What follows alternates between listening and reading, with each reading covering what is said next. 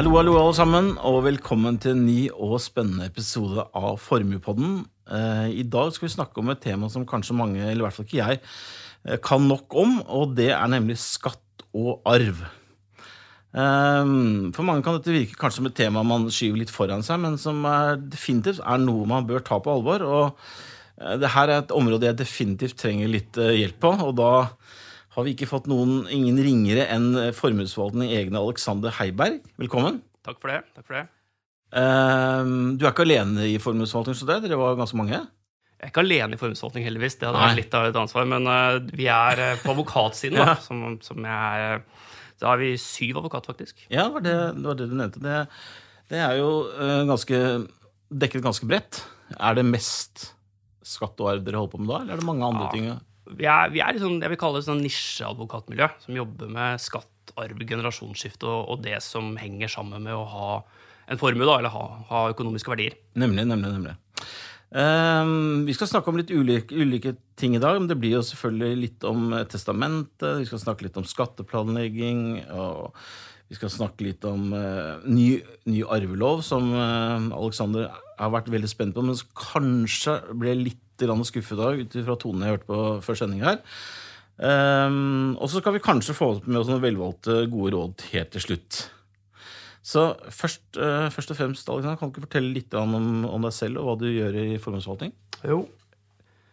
Jeg er 43 år, utdannet jurist og jobbet noen mange år som advokat. Og så, sett med tilfeldigheter, så endte jeg plutselig i formuesforvaltning. Og i dag så har jeg ansvar for advokatvirksomheten vår, forretningsførervirksomheten, kunstrådgivningsvirksomheten og det vi kaller vårt family office, da, hvor jeg får lov å jobbe med formune, eller familier med store formuer. Så, så vi pleier å si at alt som er litt sånn spesielt og på siden, det havner hos meg. Så, eh, men det er kjempespennende. Det, Ja. det er litt, egentlig litt sånn tegn på den virksomheten vi driver. Nemlig. Og dette her er da eh, Og, og kundene det, det kommer på selvfølgelig ut via, via nettverket innen formuesforvaltning, eller har du e kunder utenom formuesforvaltning òg? Vi jobber i all hovedsak med formuesforvaltningskunder sammen med de andre i formuesforvaltning. Betyr det at dere jeg, jeg, Det er et spørsmål jeg egentlig har tenkt å stille litt senere, men, eh, men eh, Jobber dere veldig på tvers da, av, eh, med rådgiverne? og altså, Fortell litt hvordan dette henger sammen. Ja, det er jo det er på en måte en erkjennelse av at skal du ta vare på øh, og utvikle en formue, videreutvikle en formue, så er det ganske mange ting som påvirker resultatet av det. det vi tenker jo som, ja, du må, Det er viktig å få god avkastning, og god avkastning er viktig, men det hjelper litt lite hvis den avkastningen forsvinner i skatt. Eller at den forsvinner i skilsmissen din. Eller at barna dine roter den bort når de skal krangle om arven. Slik at altså, Disse tingene påvirker hverandre veldig, og derfor så har vi tro på at, at du må Du kan liksom ikke bare jobbe med investeringer og porteføljen, du må også ta med disse tingene. Og Da har vi satt opp i og for seg advokatmiljø og forskjellige kompetanser, og så tenker vi at hvis disse menneskene jobber sammen, snakker sammen, har tilgang på samme informasjon eh, og jobber i team, så kan vi sammen finne løsninger da, som håndterer alle disse elementene i det vi kaller formuesforvaltning. Eh, og det er vel kanskje også grunnen til at dere har altså jeg, jeg, Et av spørsmålene var nemlig om hvorfor det, eller hva er grunnen til at dere har en egen person. Dere har ikke én egen person, dere har syv egne personer. Så det må jo, jeg vil, jo- når du har syv årsverk på dette, så vil jeg jo tro at det er ganske omfattende eh, arbeid, og mange kunder som faktisk er opptatt av i systemet deres. Ja, jeg tror at øh, altså, Det er ganske intuitivt, tenker jeg, at skatt øh, det er noe vi alle må forholde oss til. Det er vanskelig å komme utenom det i, i Norge, selv om noen tror at har du formue, så betaler du ikke skatt. Eh, og det er også Det er der du kom inn i bildet. Da. Ja, ikke sant? Det, um, Kanskje derfor de ikke betaler skatt. Det er så mange flinke advokater her ute. Ja, da tror jeg jeg får æren for noe som jeg ikke er sikker på om jeg klarer å få til. Men eh, det er jo også noe med at, eh, at i tillegg så har de fleste av oss en tanke om at noen av verdiene skal gå videre. Mm. så, så det vi har funnet ut, er at uh, dette må vi egentlig kartlegge og skjønne når vi skal gi investeringsråd. Så vi starter alltid et nytt kundeforhold med å gå gjennom de skattemessige forholdene, og vi går gjennom juridiske rundt sånn testamenter, og så prøver vi å se er det noe du bør gjøre nå, bør tenke på når du skal gå inn og sette sammen porteføljen. kommer vi med en del av tiltak, og så hjelper kunden eventuelt å få opp det. Typisk sånn, skal vi sette, Bør du sette opp et investeringsselskap? Bør du eie det gjennom det? Nemlig. Uh, og det, det er jo ting vi ønsker å gjøre tidlig, før kunden har begynt å investere mye, slik at ikke vi kommer i og sier å, du burde satt opp investeringsselskap, Tom. Men Nemlig. Det kommer vi på nå. Nemlig. Så vi prøver å ha det som integrert av, eh, en integrert del av måten vi jobber. da. Jeg skjønner. Og, og i den prosessen av å, å starte et langvarig kundeforhold. Nettopp. Så dere kommer inn ganske tidlig der. Vi ønsker det. Vi ønsker at eh, all kompetansen da, at du har tilgang til all kompetansen fra starten. Det tror, jeg, det tror vi er litt viktig. Nemlig. Ja, ehm, du snakker om dette med Og, og, og det jo, ligger jo litt i de ordene som, ehm, som er skrevet ned i formuesforvaltningens visjoner. Dette med å bevare og utvikle eh, formuer. Ehm, og da er det, jo, det henger jo litt sammen, det der med Du snakker med både finans, juss og skatt. Kan du ikke snakke litt mer om dette med å bevare og utvikle en formue? Jo, jeg tror Hvis vi skal tenke hvorfor bevarer vi og utvikler en formue Noen tenker kanskje at det, om det er for at jeg vil ha 7% avkastning på den. Men de aller fleste av oss tenker at den formuen den skal finansiere alderdommen min. Den skal hjelpe meg å kjøpe hytte, hus. Den skal gjøre barna en trygg fremtid. Det skal hjelpe dem å komme godt i gang med livet. Eller jeg ønsker å kunne ha trygghet og videreutvikle bedriften. Altså, det er alle disse tingene når jeg snakker med kunder som de er opptatt av, som er målet. Og da kan du si at uh, da må jo Skal du være sikker på å nå de målene, så må du se på alle risikofaktorer som kan påvirke om du når det eller ikke. Og da er dette med skatt og juss og arv og alle disse tingene her, det er jo risikofaktorer som du må håndtere hvis du skal kunne bevare og utvikle formuen din over tid. Og, og der er du inne på et veldig godt poeng. For jeg har, har annet hatt uh, Jan Petter Sisser, blant annet. da. I, jeg jobbet for han for mange år siden òg. Men i det fondet hans, og da har jeg hatt han på podkast flere ganger, og han snakker jo faktisk en del om det i fondet sitt også. fordi at, Ikke at vi skal promotere fondet hans her, men poenget er at han snakker også veldig mye om det med bevare og utvikle. For at mange av hans kunder, som sikkert er også kunder i forholdsforvaltning, eh, de er ikke opptatt av høyest mulig avkastning. De er opptatt av akkurat de tingene du tar opp der med å, liksom, sørge for at du har forutsigbarhet, og du, du, at barna eh, får gjort de tingene, de, at de har en trygg fremtid, etc. etc. Så eh, i det klimaet som dere jobber, så tror jeg dette her er mer relevant. da. Eh, dette med å, å ha, ha skatteplanlegging og arv og testament etc., som du jobber med. Et- du kommer jo fra finansverdenen, så det, da vet du kanskje at eh, finansverdens definisjon på, på langsiktig tidshorisont, det er ti år og mer. Men når jeg sitter med en familie, så er sånn ti år, det er jo den eh, planen vi har sånn helt umiddelbart. Det er de tingene vi gjør i det korte bildet. Her snakker vi for mange og sier at men barna mine er fem år. Jeg er opptatt av at de skal ha en trygghet når de er 40-50. Eller Riktig. nå har jeg bygget opp verdier som jeg ønsker at flere generasjoner skal få gode av. Ti år er ingenting. Så, så jeg tror at det er viktig å tenke når man tenker bevare og utvikle i denne sammenheng, da, Mm. at man har mye lengre briller på seg. Er, eh, hvor lange briller eh, har du når du snakker med kunden generelt? Selvfølgelig vil det være avhengig av Det vil være avhengig, og klart at uh, Der er folk forskjellige òg. men det vi ser nå, er jo at folk lever lenger og lenger. Uh, og dermed så Så for det første er det jo flere og flere personer som samtidig skal finansieres av de verdiene man har. hvis du henger med på den, ikke sant? Når, når folk lever samtidig med oldebarna sine, så er det kanskje både oldeforeldrene og besteforeldrene og barna og barnebarna. Altså, og kanskje må vi sette av litt mer til privat omsorg i fremtiden. Så vi, vi trenger liksom å bruke mer penger på det. Men vi ser jo også at flere begynner å vurdere å overføre til barn og barnebarn. altså Det jeg kaller liksom prins Charles-syndromet. At du, du venter og venter og venter, og venter, og så er du så voksen at du er vel etablert, egentlig, når det nærmer seg et arveoppgjør. Og da er det kanskje barna eller barnebarna som trenger de pengene mer. Ehm, men men det, det du sier her, det er litt interessant. Uh, så følge opp litt på det. Hva, um, hvordan er uh, formuende folk? Er de opptatt av liksom å prøve å, å holde på ting eh, selv, eller ønsker de å fordele ut tidlig? Eller hvordan, er, hvordan, er det, hvordan rådgir dere kundene?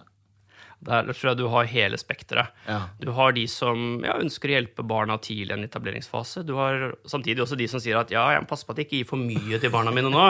Fordi at uh, var liksom Warren Buffett sa, at uh, du kan uh, Jeg skal sørge for at barna mine har nok til å gjøre alt de vil, men ikke så mye at de ikke trenger å gjøre noen ting.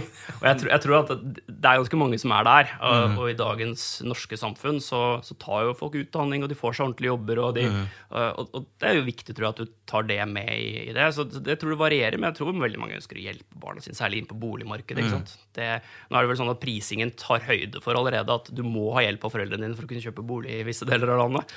Um, Ja, og det, jeg tenker på meg selv, og jeg er jo, vi er jo på samme alder, og, Og eh, jeg har jo en sønn på 9 og en datter på 16. Og det er klart at hun på 16 Jeg, begynner jo nå eh, å tenke litt på den dagen. Si om ja, mellom 5 og 10 år da, så skal hun ut i boligmarkedet.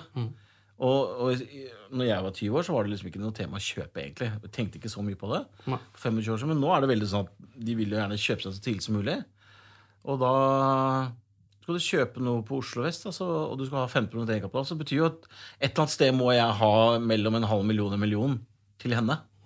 Uh, og det er jo litt av disse tingene som du snakker om, da. Å planlegge litt av det. Og det er den ene siden av det. Og så er det andre siden av det som jeg tenker er vel så eller jeg skal ikke si vel så viktig, men også veldig viktig. da, Det er jo at hvis du tenker at du har bygget opp ganske store verdier uh, En ting er når trenger barna deg, men når er barna dine klare for å få overført store verdier? Og med arveavgift uh, som vi hadde, så, så var det jo sånn at fryktelig mange overførte ganske mye midler ganske tidlig. For å, for å tenke at, det, at det, jo mer det stiger, jo mer arveavgift blir det å betale. Og, og da kan du si at er, ja, når er 16-åringen din klar til å kunne få tilført eh, ganske betydelige verdier som man kan råde over? Eller er det ting du bør gjøre her? Du, hvordan snakker du med barna dine om økonomi? Uh, det, jeg traff en, en, en dag og sa at nei, nå ville ikke at barna skulle vite at de hadde en formue. Og så sa jeg, men det, da, da løper den risikoen at barnet får vite det av klassekameraten, som åpenbart vet at dere har en formue. Ja. Uh, og hvem ønsker du at barnet ditt skal få vite dette fra? Fra deg eller fra klassekameraten? Jeg, eh, hvis du hadde spurt meg om dette, her, så hadde jeg sagt at jeg, jeg trenger definitivt hjelp. For min datter som er 16 år, hun har definitivt fått en shoppe, shoppemania. Så, så her, her, må du A- og B-aksjer eller noe sånt. Da. Her må du kontrolleres på en eller annen måte. tror jeg da. Ja, det- og det er jo sant, det er en måte å gjøre dette på. Det er måter å, å kontrollere på. Riktignok så var jeg borti en som sa at sønnen hans skulle ikke få disponere midlene før han var 50 år. Og det er kanskje litt lenger enn snittet, men, men det, er, det fins mekanismer. Det høres ut som en sånn lite tillits... eh, en liten utfordring på det, ja. Eh, Enten på forbruk eller på tillit. Du, eh, vi skal videre, Aleksander. Alexander. Og et av de Vi har jo gjerne sånn at vi planlegger podkasten, vi har, prøver å ha en liten rød tråd og en liten agenda i forkant. Og da var det spesielt ett et spørsmål som du bet deg tak i, som jeg foreslo, det var dette med rammeverk. Og vi har, er jo allerede vært litt inne på dette med arvelov. Um, og da spør jeg deg nemlig om, det, om eh, rammeverket til norsk stat er det forutsigbart nok for deg eh, og folk, eller er dette med på å skape utfordringer når man skal planlegge arv og skatteplanlegging? Og det, du var jo akkurat litt inne på det, men kanskje vi kan snakke litt mer om det? På skatteområdet så, så opplever jeg at måten vi skattlegges på, den har jo stått nå ganske fast en del år, og det er ingenting som tyder på at den blir endret radikalt. Så, så ja, der er det en viss eh, Forutsigbarhet, ja. Men, men det, det kommer stadig sånne småendringer. Eller små endringer. Det kan være endringer i forskrift, det kan være endringer i statsbudsjett, det kan være endringer i tolkningen fra skatteetaten. Som gjør at du, og det kan, Noen av de tingene kan få ganske store konsekvenser. Så jeg tror det er viktig å følge med. Vi bruker veldig mye krefter på å hele tiden prøve å følge med hvordan er det skatteetaten opererer og sånn, slik at man kan ja, prøve å passe på å ikke gjøre sånn de store feilene. Uh, og så er det denne arveavgiften, da. Som, som ja, det er jo stadig, og kanskje mange sånn som oss, da, som kommer løpende og sier at nå må du tenke på noe om arveavgiften. Hvis du liksom sier til meg uh, ja, kommer avgiften tilbake, hva tror jeg? jeg? jeg Helt ærlig så tror jeg jo egentlig ikke det. Og det skyldes at uh, Hvorfor ble den fjernet, egentlig? ja, sant? Det, det er jo litt fordi at, uh, at det er en avgift som eh, dels ikke ga så mye penger i statskassen. Det kostet ganske mye penger å drive den inn. Mm. Og så opplevde man nok mange at det var folk flest, og ikke de med store formuer som betalte arve- arveavgift. For man kunne på en måte i stor grad organisere seg litt sånn vekk fra den. Nemlig. Uh, og det Når folk flest uh, må betale noe som egentlig kanskje man tenker at bør ramme mer de som har store formuer som går videre, ja, så var liksom ikke det helt populært. Nemlig. Og og en av grunnene til jeg ikke tror det kommer tilbake, er jo at det er ikke noe politisk flertall, opplever jeg, for å innføre den. Uh, men så mange land rundt oss har det. Ikke sant? Det er ganske betydelig, går til England, betydelig arveavgift. Uh, og det er også sånn at vi har fått, Norge har fått litt kritikk for at vi ikke skattlegger den type overføringer. ikke sant? Slik at kan man sånn garantere at den ikke kommer tilbake? I en regjeringsforhandling kan alt skje. Jeg tror ikke at jeg ville uh, gitt noen sånn garanti. Uh, den kan absolutt komme tilbake. Og det, det vi tenker da, at er det mulig å gjøre grep som gjør at man kan være forberedt på det? Absolutt. Mm. Som for eksempel. Ja, da er det jo det å, å, som vi var litt innom, det å overføre til barn nå. Det, altså, det blir aldri billigere enn nå. Vi, vi kommer ikke til å få penger av staten for å overføre verdier til barna våre. Så liksom, nå er det null. Eh, og da kan det være aktuelt å gjøre det. Og så kan vi eventuelt uh, se at ja, jeg kjenner ikke helt meg klar for å gi kontrollen til junior. Nei. Den shoppingmanien. Den, den, den, men da kan vi legge opp A- og B-aksjer, sånne mekanismer, som gjør at, at eh, du kan overføre verdier. Du kan, men, men du slipper ikke helt kontrollen. Jeg tror kanskje det er bra noen ganger òg, litt i forhold til det vi snakket om i sted. Kanskje det er bra for barna å bli medeier etter hvert. Fordi at i det investeringsselskapet kanskje de gradvis kan lære litt om hva det vil si å ha et investeringsselskap og investeringer. For å gjøre dem klare til den dagen de kanskje virkelig skal ta over. da. Nemlig. Men um, for, de av, eh, for de av dere som- lytterne som ikke Når vi snakker om dette med A og B, så kan ikke du gå inn litt på hva, vi egentlig mener med det? Altså hvis, jeg, hvis du overfører da verdiene til barna, og så gjør man en struktur med A og B-aksjer, hva, innebærer det? Det er sånn at I utgangspunktet så har alle aksjonærene de samme rettighetene i selskapet. Så, så du kan si at eh, hvis du og jeg er et aksjeselskap sammen, og vi eier aksjer i det, så, så har, du og jeg de samme rettighetene. Samme rettigheter til å stemme på generalforsamling, samme retter til utbytte osv. Men, men aksjeloven åpner for å si at vi kan, vi kan gjøre det forskjellig. Vi kan si at stemmerett har f.eks. bare du. Jeg må akseptere at, at jeg har ikke stemmerett. Mm. For du har A-aksjer, f.eks., og jeg har B-aksjer. Mm. Vi kan begge ha rett til utbytte. Eller det kan også faktisk være sånn at man kan åpne for at generalforsamlingen kan utdele et annet utbytte på dine aksjer enn på mine aksjer. Nemlig. For det er jo litt interessant at liksom, eh, hvis man overfører For mange, mange ønsker å ta et utbytte. Um, men hvis du da overfører til barna at du da må sitte og overføre utbytte til begge to Så du kan sette opp strukturer hvor utbytte bare tildeles A-aksjen, f.eks. Ja, det, det, jeg tror generelt vi gir det rådet at noe utbytte skal bør utbetales på begge aksjene. For det må være en realitet i dette. Ja. Hvis, jeg, hvis, jeg opp, hvis jeg overfører aksjer til barna mine bare for å Klart at Noen gjør dette motivert også, at da overfører jeg jo litt formuesskatt til barna mine, og de har et fribeløp som de kan utnytte. Det i seg selv er helt fint. Uh, men klart at hvis jeg gjør det, og så er det egentlig ingen realitet. Jeg får alt utbytte. Jeg stemmer, jeg bestemmer alt. Og da ville jeg sagt at da er det jo egentlig ingen realitet dette. Da er, det en, da er, vi, da er vi liksom i den skatteplanleggingsdelen som jeg ikke liker, da. Jeg skjønner litt gråsone. Ja, ja da er vi, da er vi i beste fall litt i gråsonen. Og så- så så jeg, det, må, det må være en realitet i det, men det betyr ikke at ikke du kan si at jeg kan ta ut litt større utbytte enn barna mine får. Men det, det bør utbetales noe utbytte på de òg. Nemlig. Uh, ja, for at dette med mm, dette med skatteplanlegging det er liksom et ord som høres litt sånn, litt sånn tvilsomt ut. Og i min bransje så er det mye sånn derre Ja, ja, men du må selge aksjer i desember. Men ikke for nærme nyttår, da. Hvis du har store tap, for eksempel, så at du kan få tilbake på skatt neste år. Og så kan du kjøpe det tilbake. Og da er man inne på et sånt tema som er, det er litt, du er litt sånn gråsone. Eh, men, men eh, det er ikke det du holder på med. Men skatteplanlegging, hva, hva ligger i det ordet for deg? For meg så handler det om å betale riktig skatt. Og det, Kunden det vil jo høre minst mulig skatt. Ja, men jeg ofte så opplever jeg at vi er Vår jobb er vel så mye å sørge for at ikke kunden må betale dobbelt skatt. For eksempel. Og det, altså det er ganske vanlig. Og så betyr ikke det at man ikke kan gjøre grep som er skatteeffektivt. Veldig ofte er det jo snakk om å utsette skattebetaling. Den, altså den dagen du skal kjøpe bil og båt og hus, Mm. ja, så blir det i stor grad skatt på de pengene uansett.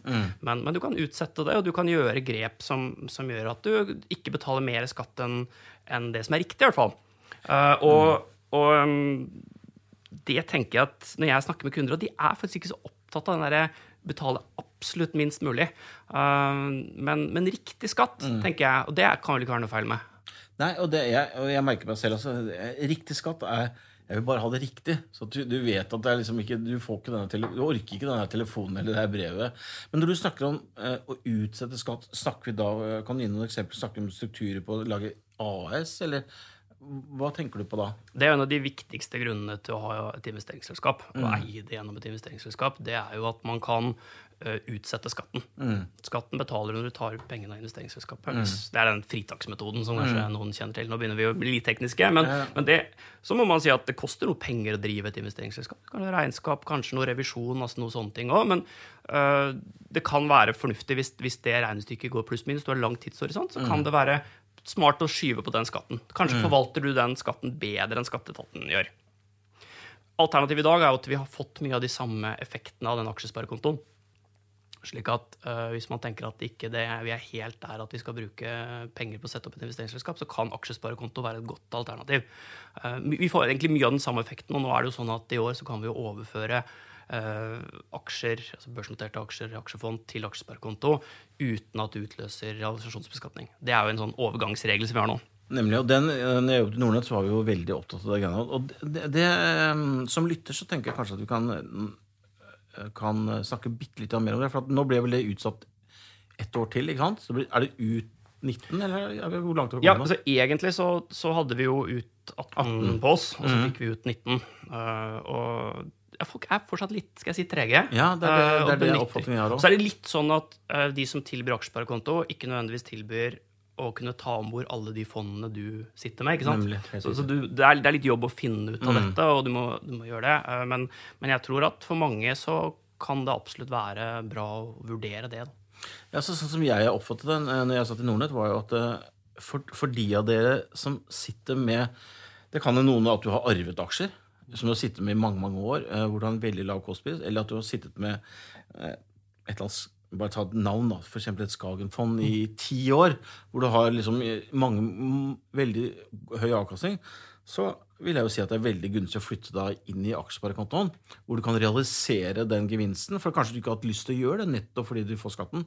Og så kan pengene ligge inne i den eh, strukturen der, og du slipper å betale skatt. Og du kan reinvestere det da i noe annet. Og det er jo poenget. Du kan reinvestere. Jeg vil ikke la pengene ligge der, for du får ikke noe, rente, Nei, får ikke noe rente på det. Så, så, men så kan du reinvestere det, og du, det er egentlig akkurat den samme effekten som du har i et, aksje, mm. et aksjeselskap. Det som er med aksjer, Hvis du har ditt investeringsselskap, så, så du, kan du jo egentlig stå fritt og putte de investeringene du vil. Da er du ikke mm. avhengig av at du er en leverandør av en aksjesparekonto som skal det. Så, så, de med litt større formuer de vil fortsatt tror jeg, fortsatt ha aksjer, i investeringsselskap. Mm. Mm. Men det er jo egentlig, en, sånn som jeg oppfatter det, en, en, en litt sånn et, et, AS for privatpersoner. I den grad eh, at eh, jeg har i hvert fall oppfattet at veldig mange sitter med eh, store gevinster i ting som de ikke kanskje nødvendigvis hadde eid men som ikke vil selge fordi at de må betale mye skatt. Mm. Og her har du jo nå utrolig nok spør du meg, åpnet opp for en mulighet til å komme ut av det. da. Og det er et vindu som jeg mener folk bør virkelig sette seg litt inn i. Ja, det er jeg helt enig i. Hvert fall nå, har noen, Man har jo seks-sju måneder igjen. Tror... Og det er en veldig enkel affære. Ja, ja absolutt. Altså det, det, det, er en enkel affære, så dette bør man jo absolutt snakke med rådgiveren sin om. Det, jeg synes jo det, hele tatt det med latent skatt er jo interessant. ikke sant? Hvis vi tar det litt over til arve, arvebiten, så har du mm. kanskje to barn, så har du en bolig til 10 millioner, og så har du eh, noen aksjer som du kjøpte, eller kanskje til og med arvet, mm. som koster 10 millioner. Så tenker du at ja, ene, han, han, bor nå her, han overtar boligen, hun overtar de aksjene til 10 millioner. Ikke sant? Begge to trenger egentlig å snu seg rundt og selge dem fordi at de, eh, de trenger pengene. Mm. Ikke, ikke, uvanlig det. Neste generasjon trenger pengene. Du har bodd i boligen. Han kan enkelt selge den boligen skattfritt. Hun får hele den morsomme skatten som du har uh, unngått å betale ved å sitte på den. ikke sant? Ah. Og det kan til og med ha negativ inngangsverdi. Skal vi ikke liksom gå i hele det, det er en egen podkast, men, men, det gjør at hennes skatt kan jo være liksom enorm. Så når du tenker, det å tenke skatt, da, mm. når du tenker også arveoppgjør mm. så Kanskje du kan bruke aksjesparekontoen. Kanskje hun kan eh, Og nå er det også blitt større, enklere det med å overføre aksjesparekonto videre osv. Mm. Det, det tenker jeg er en viktig del av, av det man bør sette seg ned og tenke på.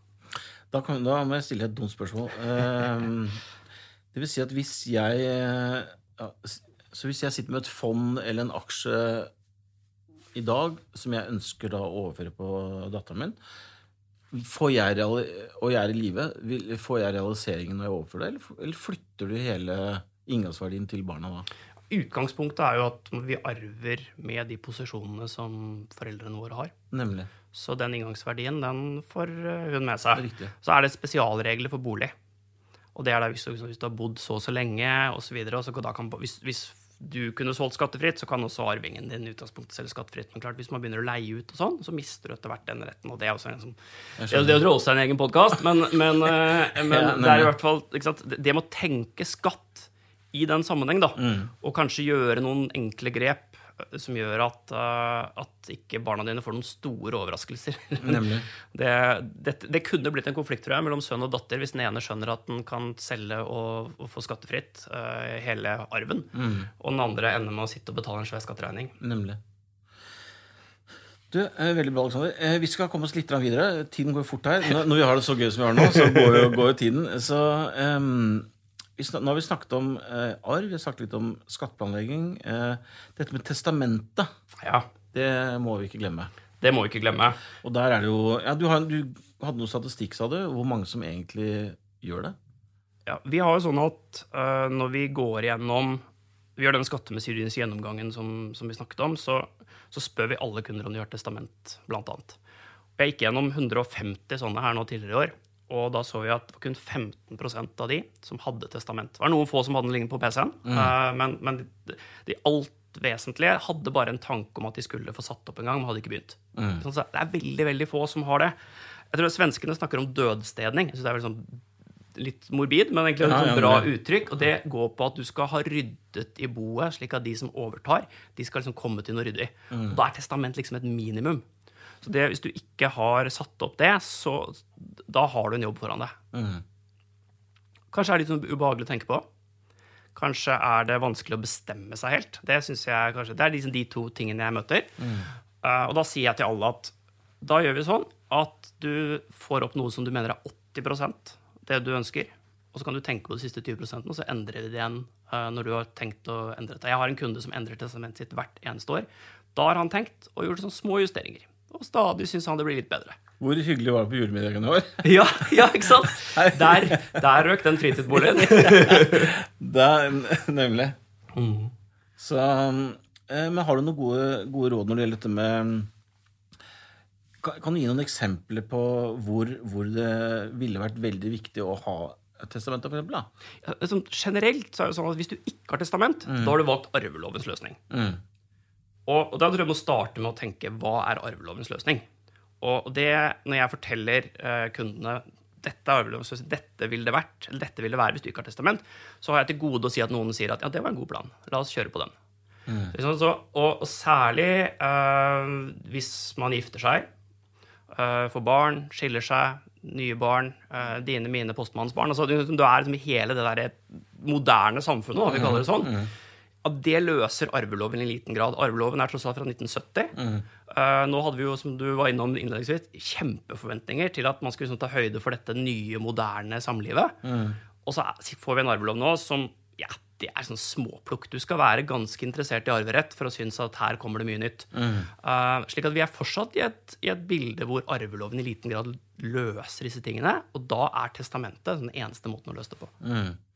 Og, og Innledningsvis jeg snakket du dette med at du hadde høye forventninger til den nye arveloven som kom, kommer nå snart. Eller er, kom, Den er vedtas disse dager, ja. Riktig. Eh, og da hadde du litt forhåpning om dette rundt samboerskap.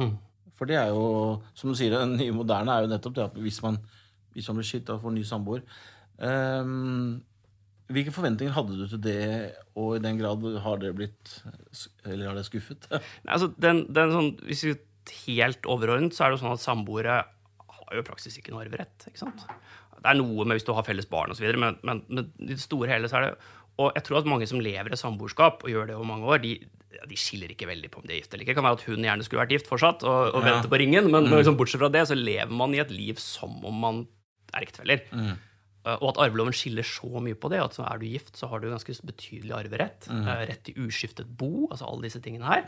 Og at ikke man har i større grad åpnet for det i samboerforhold, det, det er jeg, jeg er litt skuffet over det. Uh, Så ser jeg det er noen kompliserte ting med det, men det gjør at samboere fortsatt må opprette testament og gjøre de tingene for å få en løsning som ligner litt da, på det du vil ha til ekteskap. Mm. Uh, um, vil du si at det er enda eller mye viktigere for et samboerskap å sette opp testamentet enn å- er gift, eller er det Jeg klarer ikke å se hvem som ikke bør sette opp testamentet. Nemlig. Så- jeg tenker sånn, eh, Hvis jeg, hvis jeg ser på min egen situasjon altså, Man er gift, man har to barn. Er det ikke ganske sånn derre eh, quick fix liksom, hvis man faller bort da? Liksom barna, pengene går til barna, og ektefelle er vel vil jo da, Hvis jeg skulle dø, så ville kona ha det frem, til henne dør, og så går det til barna. Er, ikke, er, det, er ikke det ganske Arveloven sier jo ikke noe om hvem skal arve hva. Så hvis du eier litt forskjellige ting, f.eks., og sier at jeg eier en, vi eier en hytte, vi eier et hus, hvem skal ha hva? Hvordan skal det verdsettes? Hvis begge vil ha det samme, hvordan skal vi løse det? Eh, kanskje ønsker skal ektefellen få det hun har krav på etter loven, eller skal hun få mindre? Eh, det er også mulig å sette det litt ned. Du kan ikke sette den helt bort, men du kan sette den litt ned. Eller skal hun ha mer? Eh, skal det være noen reguleringer hva hun kan gjøre, min kone kan gjøre i, i, et, uh, i en uskifteperiode? Altså, det, det er mange ting her som gjør at selv for mitt enkle liv da, Jeg er gift, har to små barn. Så, så er det åpenbart at det er mange ting jeg må regulere for at ikke dette skal bli litt rotete når jeg går bort, hvis jeg skal ha dødstedet ordentlig. Mm, nemlig. Bra, Aleksander. Um, det, eh, vi skal snakke litt om dette før vi avslutter. Dette med at man lever lenger. Snakker du innledningsvis om at det, Hva er um, Hvordan påvirker det liksom ditt arbeid at folk blir eldre? Vi var litt innom det i sted når vi snakket om det med at, at man, over, altså man, flere overlever, eller opplever oldebarna sine. Men jeg tror at en, en ting vi ser, da, det er jo denne Det snakker mye om at flere og flere får demens. Så spørsmålet er det flere som får demens, eller er det bare det at vi lever lenger, og at hjernen vår ikke henger helt med? Og da er det sånn at uh, du kan um, komme til et punkt i livet hvor du rett og slett ikke er i stand til å ta beslutninger på egne vegne. Og hva skjer da? Da kommer vergemålsloven kommer løpende, og den sier noe om hvem skal kunne ta beslutninger på dine vegne. Og igjen må du ta stilling til. Er det vergemålsloven sier? Er det en god løsning? Igjen er min liksom, overordnede vurdering at nei, den passer ikke helt for alle. Og det kommer faktisk Fylkesmannen inn i stor grad også. Og, og bestemmer litt hvordan særlig økonomiske verdier skal forvaltes. Så du har et alternativ også her, og det er rett og slett å lage det vi kaller en fremtidsfullmakt. Da kan du, Tom, bestemme at konen din eller broren din eller de sammen skal treffe beslutninger på dine vegne over de verdiene du sitter på, og, og både personlige og økonomiske forhold. Og det tror jeg er en ting som Hvis vi sier at alle bør ta testament, så bør absolutt alle ha fremtidsfullmakt. Jeg vil heller bestemme selv hvordan ting skal håndteres den dagen jeg ikke klarer det selv. Og det, vi, det er fare for at vi kommer dit ganske mange. Uh, er det noe folk har kontroll på? I samme undersøkelsen så sa jeg 5 hadde satt opp fremtidsfullmakt. Og de fem hadde gjort hos oss. Um, så, så, det er sånn veldig, veldig få. Dette er også en hjemmelekse tror jeg, for folk, å begynne å få satt opp disse fremtidsfullmaktene, slik at du har en plan. Hva skjer hvis uh, den dagen jeg dør? Det er dessverre ikke dersom. Det er den dagen jeg dør. Hva skjer hvis jeg skiller meg? Og hva skjer hvis jeg kommer i en situasjon hvor jeg ikke kan ta egne beslutninger? Da bør det være en plan for det, rett og slett. Nemlig, nemlig. Bra, Alexander. Da må vi dessverre avslutte. Har du um, Jeg lovte noe. Har du noen velvalgte råd til slutt? Jeg tror at, at jeg tenker, hva er, hva er den sånn største feilen folk gjør? Og på arveområdet så tror jeg at vi har vært innom noen ganger, det er å ikke gjøre noe. Det er bare å skyve og skyve det for seg og tenke at dette løser seg. Fordi at jeg tror vi leser i avisen nesten daglig at ting løser seg ikke. Det å overlate til arvingene å krangle Ja, ja, du er jo død, da, selvfølgelig, så du slipper jo å oppleve det. Men de fleste av oss vil vel gjerne unngå det. Uh, og særlig for at det kan jo ødelegge mye økonomiske ting. Så, så hvorfor vente? Hvorfor ikke bare begynne å, å lage en plan for det? På skatteområdet så vil jeg si at ikke forsøk å være for smart. Liksom, vi ser og leser eksempler på strukturer sånn som skal være så smarte at de skal liksom eliminere all skatt.